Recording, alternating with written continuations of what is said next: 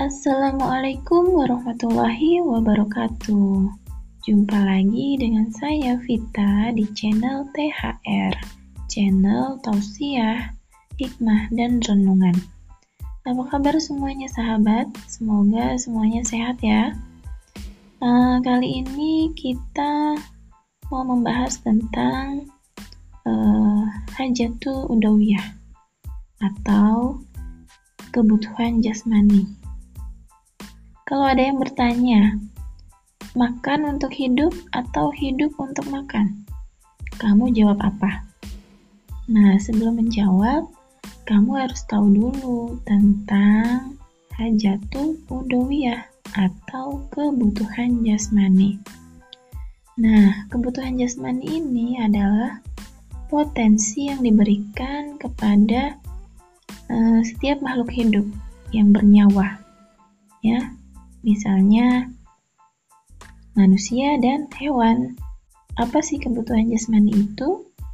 Kebutuhan jasmani adalah segala sesuatu yang dibutuhkan untuk menunjang kehidupan. Ya, misalnya makan, minum. Misalnya makan kalau kita lapar. Kemudian minum kalau kita haus. Uh, kemudian berobat kalau kita sakit. Ini semua menyangkut kebutuhan tubuh, gitu ya. Kebutuhan fisik tubuh. Kebutuhan jasmani ini haruslah segera dipenuhi. Karena jika tidak segera dipenuhi, maka akan e, menimbulkan kerusakan atau e, kematian bahkan ya misalnya lapar. Lapar ya harus segera makan.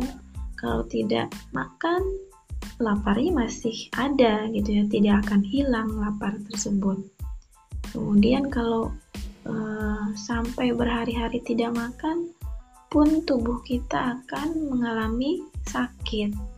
Dan akhirnya kalau tidak ditangani segera maka akan mati jadi, kalau ditanya uh, makan untuk hidup atau hidup untuk makan, jawabannya makan untuk hidup karena makan adalah salah satu salah satu kebutuhan jasmani yang menunjang kehidupan uh, makhluk hidup ya. Itu jawabannya. Nah, dan kebutuhan jasmani ini harus segera terpenuhi, tidak boleh ditunda-tunda. Jika ditunda-tunda, maka akan buruk hasilnya ya atau efeknya gitu. Nah, itu paham ya, sahabat. Jadi jadi jadi uh, kebutuhan jasmani ini uh, perlu gitu dan jadi setiap makhluk hidup itu wajib segera memenuhi kebutuhan jasmaninya. Oke, sahabat. Terjawab ya semua.